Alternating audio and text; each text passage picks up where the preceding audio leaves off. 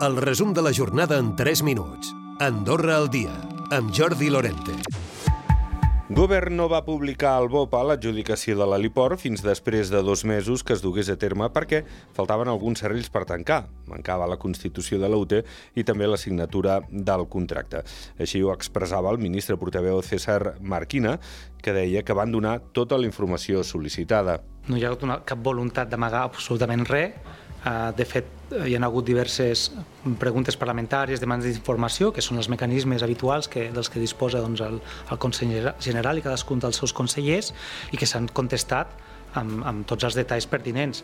És cert que probablement, bueno, probablement no segur, que el que no s'ha demanat en cap dels casos és quin era l'estat eh, del projecte en el moment que es feien les preguntes o les demandes d'informació.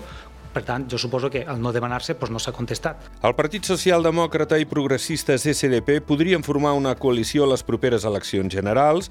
Les direccions de les dues formacions tindrien tancat des de la setmana passada un preacord per elaborar llistes conjuntes tant a la circumscripció nacional com a les territorials. I d'altra banda, una de les reivindicacions dels funcionaris que els que faci 30 anys que estan de servei puguin prejubilar-se amb el 60% del darrer sou es complirà dimarts que ve amb la votació del pressupost. Fons sindicals diuen que pot provocar greuges amb els funcionaris prejubilats fins ara, ja que l'import que reben és menor. Podria haver-hi demandes administratives o accions judicials. I el govern compensarà les companyies d'autobús amb un preu d'1,31 cèntims d'euro per trajecte a residents o andorrans que siguin beneficiaris de l'abonament gratuït.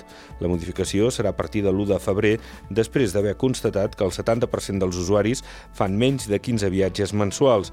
Fins ara es compensava les companyies amb 30 euros per cada abonament mensual activat, independentment del nombre de viatges que feia l'usuari en un mes. N'ha parlat el ministre portaveu, César Marquina. Sí, aquesta negociació s'ha fet amb les companyies, adjudicatàries, en un moment en què això s'inicia i no disposem de, les, de la capacitat a nivell d'informació de, de com podria funcionar i dels costos que podria tenir, i es va fer aquesta primera aproximació.